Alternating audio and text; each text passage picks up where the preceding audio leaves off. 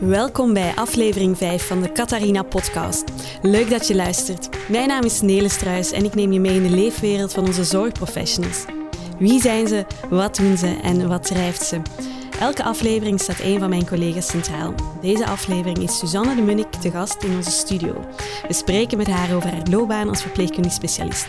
Suzanne specialiseert zich in infectieziekten, meer specifiek in HIV en seksueel geweld. Welkom Suzanne. Dankjewel. Hey jij werkt ondertussen al een hele tijd in het Catharina ziekenhuis. En ik heb me laten vertellen dat jij in 2002 als verpleegkundige bent gestart in ons ziekenhuis. Kan je eens vertellen hoe jouw loopbaan er tot nu toe heeft uitgezien? Ik heb in uh, 1998 ben ik begonnen vanuit de Fontes als duale student hier in het Catharina ziekenhuis. En ik ben eigenlijk blijven hangen. Uh, wat wil zeggen dat ik in 2002 ben afgestudeerd en meteen uh, op de polykliniek interne geneeskunde als HIV-verpleegkundige ben gaan werken. En deels ook nog op de afdeling interne geneeskunde. Daar had ik ook stage gelopen, mijn laatste stage. Dus ik ben gewoon blijven hangen. En uh, tot 2012 met veel plezier eigenlijk HIV-verpleegkundige geweest op de poli. Uh, waarbij ik wel merkte dat ik mezelf wilde ontwikkelen. Mm -hmm. uh, als je een aantal jaren ervaring hebt binnen het vakgebied, wil je verder. En heb ik van 2012 tot 2014 de opleiding tot verpleegkundig specialist gedaan. Uh, en dat heeft mij echt voldoende verdieping gebracht om de jaren erop weer uh, verder te gaan werken. En uh, uiteindelijk heb ik in 2016 nog een opleiding gedaan, een researchopleiding in Birmingham, een master -hmm. in onderzoeksvaardigheden.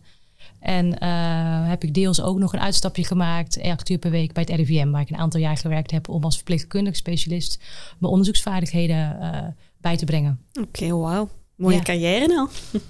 Maar dan eigenlijk het thema HIV is dan altijd centraal geweest in heel jouw uh, loopbaan tot ja. op heden. Ja, zeker, zeker. Het thema HIV is centraal geweest. Ik denk dat het uh, best een specifiek vakgebied is, maar waar heel veel uit te halen is op alle facetten. Dus zowel onderzoek, maar ook vooral patiëntenzorg, want daar doe je het eigenlijk allemaal voor. En uh, ja, dat feit dat ik hier al die jaren nog steeds met heel veel plezier werk en nog voldoening haal uit mijn werk, ja, dat zegt denk ik al genoeg. En, en waar die keuze dan? Want je bent dan als HIV-verpleegkundige eigenlijk gestart. Is dat dan toevallig op jouw pad gekomen? Ja, ja, ja, ik zou willen zeggen dat ik een soort van Florence Nightingale ben en uh, altijd altijd heb willen doen. Nee, ik heb, uh, ik heb op de interne geneeskunde gewerkt. En dat was een hele leuke afdeling, een verpleegafdeling waar heel veel ziektes liggen, waaronder ook HIV. En op dat moment kwam er een uh, vacature vrij op de poli om het HIV-centrum op te gaan zetten. Mm -hmm. En ik was natuurlijk nog heel erg jong, 19, maar wel, ja, ik dacht, als ik het ik denk dat dat ook wel passend is bij mijn karakter. Ik, uh, ik ga het gewoon doen. Ik ga het gewoon opzetten. Als het niet lukt, ben ik 19, is er niks verloren. Kan ik gewoon op de afdeling blijven werken. Of ja. gewoon kan ik op de afdeling blijven werken. Als het wel lukt, is het een heel gaaf, uh, heel gaaf denk ik, als verpleegkundige om een poli op te gaan zetten. Ja. absoluut. En dat is jou uiteindelijk ook heel mooi gelukt. Ja, we zijn begonnen met 80 patiënten die ik toen nog ook toen de tijd persoonlijk nog gebeld heb om me voor te stellen. En op de poli, mijn eigen kamer, schilderijen opgehangen en het hele computersysteem. Mm -hmm. En nu hebben we inmiddels 750 patiënten. Wauw. Ja, ja. En die begeleid jij nu ook nog allemaal dan? Of? Ja, ja, het is nog wel te doen, zeg maar. uh, ik begeleid 750 patiënten, uh, die komen twee keer per jaar. Dus ik zie die patiënten, mijn patiënten één keer. En ik moet, je moet je voorstellen, ik werk als verpleegkundig specialist dus met twee infectiologen. Mm -hmm. En uh, we doen eigenlijk alternerend de spreekuren. Dus okay. zij, patiënten, onze patiënten komen één keer per jaar bij de infectioloog. Mm -hmm. uh, tien minuten, puur vanuit het medisch perspectief. Uh, en één keer per jaar bij mij een half uur. En in het half uur ben ik als verpleegkundig specialist. Bespreek ik met hun de medische taak, medische dingen. Mm -hmm. Zoals labresultaten, maar ook klachten die ze op dat moment hebben. Maar tegelijkertijd ook de mentale gezondheid.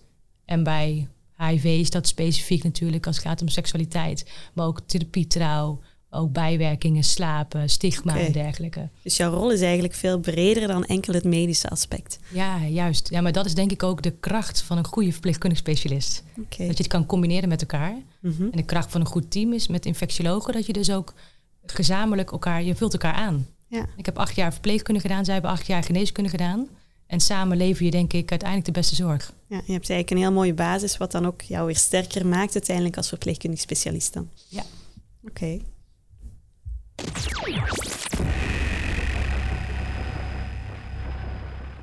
We starten onze podcast altijd met een positieve noot, namelijk een goed moment voor een compliment. Ja, Suzanne, we hebben een van jouw collega's gevraagd om jou te omschrijven als collega, omdat het gewoon leuk is om elkaar af en toe in het zonnetje te zetten. En uh, voor jou hebben we zelfs twee complimenten gevonden, dus uh, hier komen jouw complimenten. Hey Suzanne, hier zijn Heidi en Marjolein. Dit is jouw moment voor een compliment. Zoals je weet zijn we zeer blij met je. Je bent de centrale persoon in het HIV-team met je oneindige inzet, zowel voor je patiënten als voor je collega's. En we kunnen natuurlijk nooit zonder jou. Uh, dus we hopen dat je nog vele jaren samen met ons uh, de HIV-zorg verzorgt. Doei. doei doei! Dat was de eerste en dan hebben we er nog eentje voor jou. Hey Suzanne, Daan hier. Dit is een goed moment om jou te laten weten dat we het enorm waarderen hoe jij de drukke taak op de polykliniek combineert met al jouw onderzoeksactiviteiten en al het andere wat jij in het vak doet. Het is niet alleen fijn voor ons, maar ook enorm inspirerend om zelf het beste uit ons vak te halen. Ga zo door en let een beetje op jezelf. Dat waren jouw complimentjes. Ja, leuk. wat doet dat met jou? Ja, nee, het is denk ik heel fijn om, uh, uh, om gewaardeerd te worden. En het is leuk om het zo te horen, maar het is gelukkig ook wel het team waarin we samenwerken. Uh, waarbij dat, uh, wel, dat we het vaker naar elkaar doen. Oké, okay, dus dat is wel iets wat jullie vaker uitspreken naar ja, elkaar. ik denk dat dat super belangrijk is in een goed team. In de setting waarin wij werken, waarin ook veel ellende is en uh, druk en stress. En ook met de COVID-periode, dan is het heel belangrijk dat je weet wie je collega's zijn. En ik denk dat binnen de HIV, HIV is wel natuurlijk zo'n klein vakgebied. Mm -hmm. uh, dus we werken met z'n drie of met z'n vieren. Ja, en we werken al best wel lang met elkaar. Dus we kennen elkaar gewoon heel goed. Ja. ja. Dus dit waren echt jouw collega's waar je eigenlijk altijd rond het thema HIV samenwerkt. Ja, ja. En de eerste twee collega's dat waren dan infectiologen. Hè? Klopt. Um, hoe verloopt die samenwerking tussen artsen en verpleegkundig specialisten? Ja, dat is eigenlijk uh, gelijk, ja, gelijkwaardig. Hè? Ik denk dat uh, door melden mijn positie als verpleegkundig specialist en we, het feit dat we de patiënten alternerend zien, zijn wij uh, volledig gelijkwaardige collega's. En wat ik net ook al zei, je vult elkaar gewoon ontzettend aan. Dus daar waar uh, problemen liggen op mentale gezondheid of waar patiënten acute klachten hebben en de infectiologen volle spreekuur hebben of op de afdeling of op de SCH staan. Mm -hmm. Ja, daar ben ik dan om, uh, om een patiënt op te vangen, alvast, alvast te gaan status. en als ik het niet meer weet, als het bij mij gewoon ophoudt, qua medische kennis bijvoorbeeld, dan, dan en ik het niet pluis vind, dan roep ik Heidi van Marjolein erbij, die je zojuist hoorde. En dan kunnen we samen kijken van uh, hoe gaan we dat nou doen? Of laten de patiënt opnemen? Of, uh, ja. ja. Dus dat gaat eigenlijk allemaal vanzelf. Ja, ja, ja, ja, ja zeker. Ja, de kost, ik denk dat, daar, dat ik daar ook deels al heel veel energie uit haal. En ik denk ook dat doordat je elkaar waardeert. En misschien spreek je het niet zo specifiek uit zoals vandaag. Maar um, dat maakt wel dat je ook enthousiast blijft in je werk. Mm -hmm. Dat ja. je met elkaar even een kop koffie gaat drinken beneden op het bankje. Ja, en dat je het ook samen doet en dat je elkaar nodig hebt om het beste resultaat te behalen voor de patiënt. Precies, ja. ja. ja. Oké, okay, dat is fijn om te horen. Naast onderzoek zet jij je ook in voor het bespreekbaar maken van seksualiteit en intimiteit bij HIV en seksueel geweld. En dan met name het bespreekbaar maken in de spreekkamer door zorgprofessionals. Wat maakt dit onderwerp voor jou zo belangrijk en vooral het doorbreken van die taboe die er rond heerst? Vanuit uh, uh, HIV is het natuurlijk, alle, mensen met HIV hebben het eigenlijk opgelopen als gevolg van onveilig seksueel contact. Dus ik denk dat dat een eerste basis is vanuit HIV. Vanuit het Centrum Seksueel Geweld zijn mensen verkracht uh, hebben of, of, misbruikt. En ehm, het, het beginnen over seksualiteit is blijkbaar voor heel veel collega's soms lastig. En uh, in mijn onderzoek, in mijn tijd van de opleiding verpleegkundig specialist, heb ik, uh, moest ik onderzoek gaan doen om het aan te leren. En het, voor mij was het gelijk al duidelijk dat het over dit onderwerp moest gaan. En ik denk, dat, ik denk echt, ik ben ervan overtuigd na al die jaren nog steeds, dat we hier het verschil in kunnen maken. Binnen infectieziekten is het dus allemaal gelinkt aan seksualiteit. En zelfs wij als professionals, dus we hebben het over verpleegkundigen, over verpleegkundige specialisten, maar ook over infectiologen. Want daar komen ook deze mensen, of forensisch artsen, of GGD-verpleegkundigen. Het bespreken van seksualiteit lijkt voor een buitenstaander iets heel vanzelfsprekend. Mm -hmm. Maar dat is het niet. En ik heb daar dus onderzoek naar gedaan van hoe kan het zijn dat we dus verpleegkundigen zijn, dat we getraind zijn ook allemaal. Maar dat we als je kijkt wat we doen in de spreekkamer, het niet altijd benoemen. Of op een, of, of, of op een verkeerde manier. Of uh, zonder echt resultaten te hebben. En ik denk dat, uh, dus daar ben ik jaren geleden mee begonnen om daar onderzoek naar te doen. Ja. En wat zijn dan de acties zeg maar, die dan uh, er uiteindelijk toe leiden dat, dat het bespreekbaar kan gemaakt worden? Ja, ik heb door middel van uh, observatie, kwalitatief onderzoek, kwantitatief en observationeel onderzoek, dus echt onder de zorgprofessionals, uiteindelijk nu een uh, trainingsprogramma ontwikkeld. En die is ook maat gemaakt aan de hand van de uitkomsten van die onderzoeken. Mm -hmm. Dat is denk ik ook tegelijkertijd de sterke kracht van een verpleegkundig specialist die onderzoek doet. Het is wetenschappelijk, maar ook vanuit de praktijk. Want ik sta ik werk drie dagen per week volledig in de praktijk. zie ik mijn patiënten. Dus ik zie ook wat er leeft. Dus door dat samen te combineren. En dan ook de toetsen bij je patiënten. En want die zijn natuurlijk, daar doe je het voor. Precies. Ja, dat is dus de, de, dus de actie is zo'n trainingsprogramma. En we zijn nu, ja, we zitten nu nog de, eigenlijk middenin van wat gaan we. Want alleen kennis overdragen is niet voldoende. Mm -hmm. Dus er moet meer gebeuren. We moeten ook oefenen met de kamer. Dat is weer best wel spannend om met acteurs te oefenen. Dus daar zitten we, dat is de fase waarin we nu zijn. Maar ik denk wel door uh, ook zo in zo'n podcast als nu, maar ook door een filmpje of, of gewoon uh, door landelijke vergaderingen, bijeenkomsten, congressen in Europa, wereldwijd, maakt me niet uit. De kracht van een goede verpleegkundig specialist is om waar je passie voor hebt. Dat is mijn vakgebied. Ik weet waar ik over praat. Zijn mijn patiënten. Met onderzoek te combineren en uiteindelijk tot goede uitkomsten te leiden. Dus ik ben ervan overtuigd dat over een paar jaar dus nog een keer een podcast doen of iets anders, dat we dan ook echt daadwerkelijk aangetoond hebben dat de uitkomsten van onze patiënten, dat je daar het verschil in kan maken. Ja, wauw.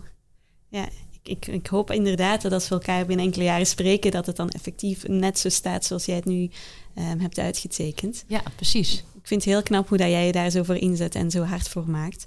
Um, dus ik geloof ook echt dat dit, uh, dat dit tot een goed einde gaat komen.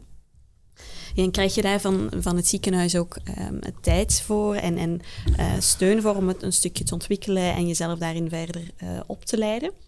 Ja, ja, ik heb die masteropleiding in onderzoeksvaardigheden vanuit het ziekenhuis gedaan, vanuit ONO met name. Dus het is niet alleen vanuit de interne, maar ook wel ONO die daar een grote rol in speelt.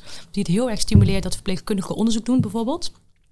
Uh, tegelijkertijd is het natuurlijk wel een beetje afhankelijk van je manager. Maar ik denk als je een goed pleidooi hebt als je weet waar je over praat en ook laat zien dat je uitkomsten bent en je goede projectleider bent, dat dan uh, bij mij deels, want ik val in de maatschap, maar ook onder de verpleegkundige tak, mm -hmm. heb ik altijd wel het idee dat mensen wel in ieder geval bereid zijn om mee te denken. Ja.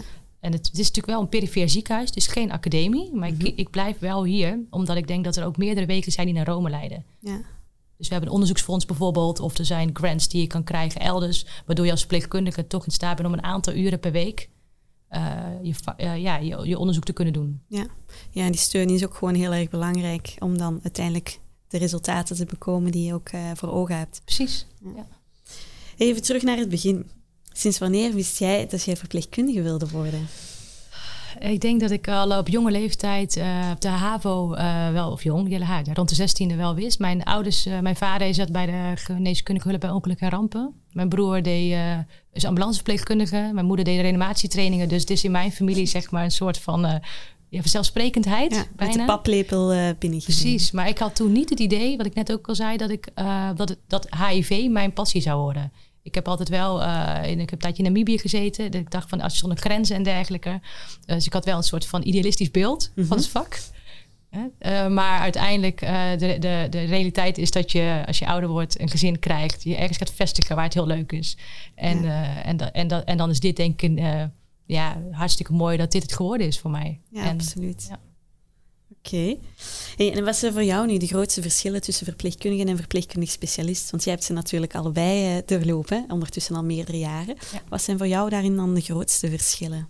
Uh, inhoudelijk is het dat je dus uh, me, uh, de medische kennis, je, krijgt een, een je leert de, een tipje van de sluier van de medische kennis, wat ook artsen hebben, waardoor je het makkelijker is om in een multidisciplinair overleg te levelen met de, met de artsen. Mm -hmm. dus je kan net iets meer op inhoud zitten. Uh, tegelijkertijd uh, vind ik ook dat de, verpleeg, dat de opleiding mij heeft geleerd om in leiderschap uh, en projectmatig denken, waardoor je juist een hele goede aanvulling bent voor wat artsen niet geleerd hebben. Ja. Dus ik denk dat hij, die mijn collega bijvoorbeeld is epidemioloog, zij is in het ziekenhuis heel erg actief in allerlei werkgroepen. Maar wij sparren juist heel vaak uh, uh, als het gaat om andere projecten en onderzoeksvaardigheden, maar ook gewoon om uh, trainingen die we geven. Mm. Uh, want daar ben ik in geschoold. Ik ja. kan goede beleidsplannen maken. Ik weet hoe je een business case schrijft. Ik weet mijn netwerk. Terwijl uh, hij die daar bijvoorbeeld vaak minder tijd voor heeft. Omdat hij gewoon in de patiëntenzorg zit en, uh, en andere taken doet. Dus ja. ik denk dat dat wel het medisch inhoudelijke... en al die randvoorwaarden die wij juist wel geleerd hebben en zij niet... dat je daarom uh, dat, dat, dat dat heeft opgeleverd. Dat is natuurlijk een verschil met verpleegkundigen. Mhm. Verpleegkundigen doen denk ik ook op, meer op uh, afdelingsniveau. Ja. Terwijl jij meer afdelingsoverstijgend ook... Uh... Zeker, afdelingsoverstijgend, maar ook ziekenhuisoverstijgend. En uh, ik denk ook dat je als verpleegkundig specialist... Uh, ik heb laatst ben ik host geweest in een Europees congres. Ja, dat, dat is toch wat een verpleegkundig specialist moet doen. Dat je juist ook het trots bent op het ziekenhuis. Vanuit het ziekenhuis als verpleegkundig specialist laat zien... hoe goed wij onze kennis op praat hebben. Ja. ja.